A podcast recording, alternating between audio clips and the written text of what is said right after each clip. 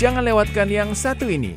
Aneka info dari VOA di Washington DC bersama Metrini Giopani. Seorang penemu asal Prancis menciptakan sebuah lampu indikator bebas kabel yang terpasang di punggung pengendara skuter dan sepeda. Click light yang ditampilkan pada pameran Akbar Teknologi CES di Las Vegas siap dipasarkan di seluruh dunia pada Mei 2020 mendatang. Skuter listrik yang disewakan kini sangat populer di berbagai kota di seluruh dunia.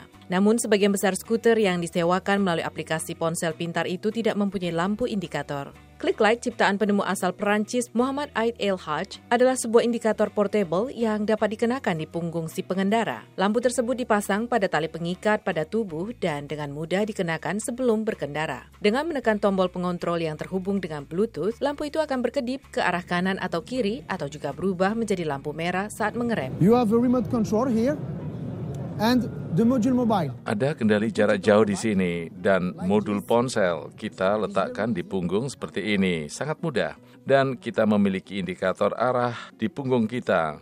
Lampu tersebut dapat beroperasi maksimum 10 jam dan akan tersedia secara global pada Mei 2020 seharga 149 dolar Amerika. Tujuannya agar si pengendara skuter dapat terlihat, Aid El Hajj memaparkan lebih jauh. To be visible, when you use the click lights on the motorcycle, you have the um, signalization in front of you.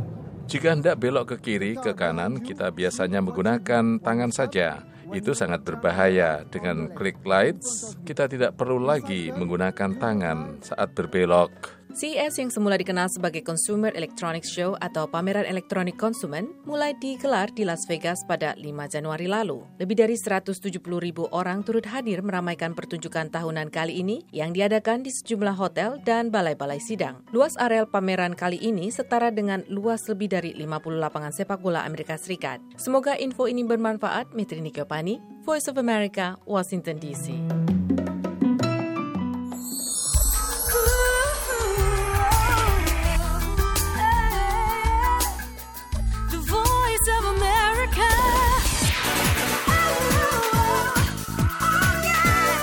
Be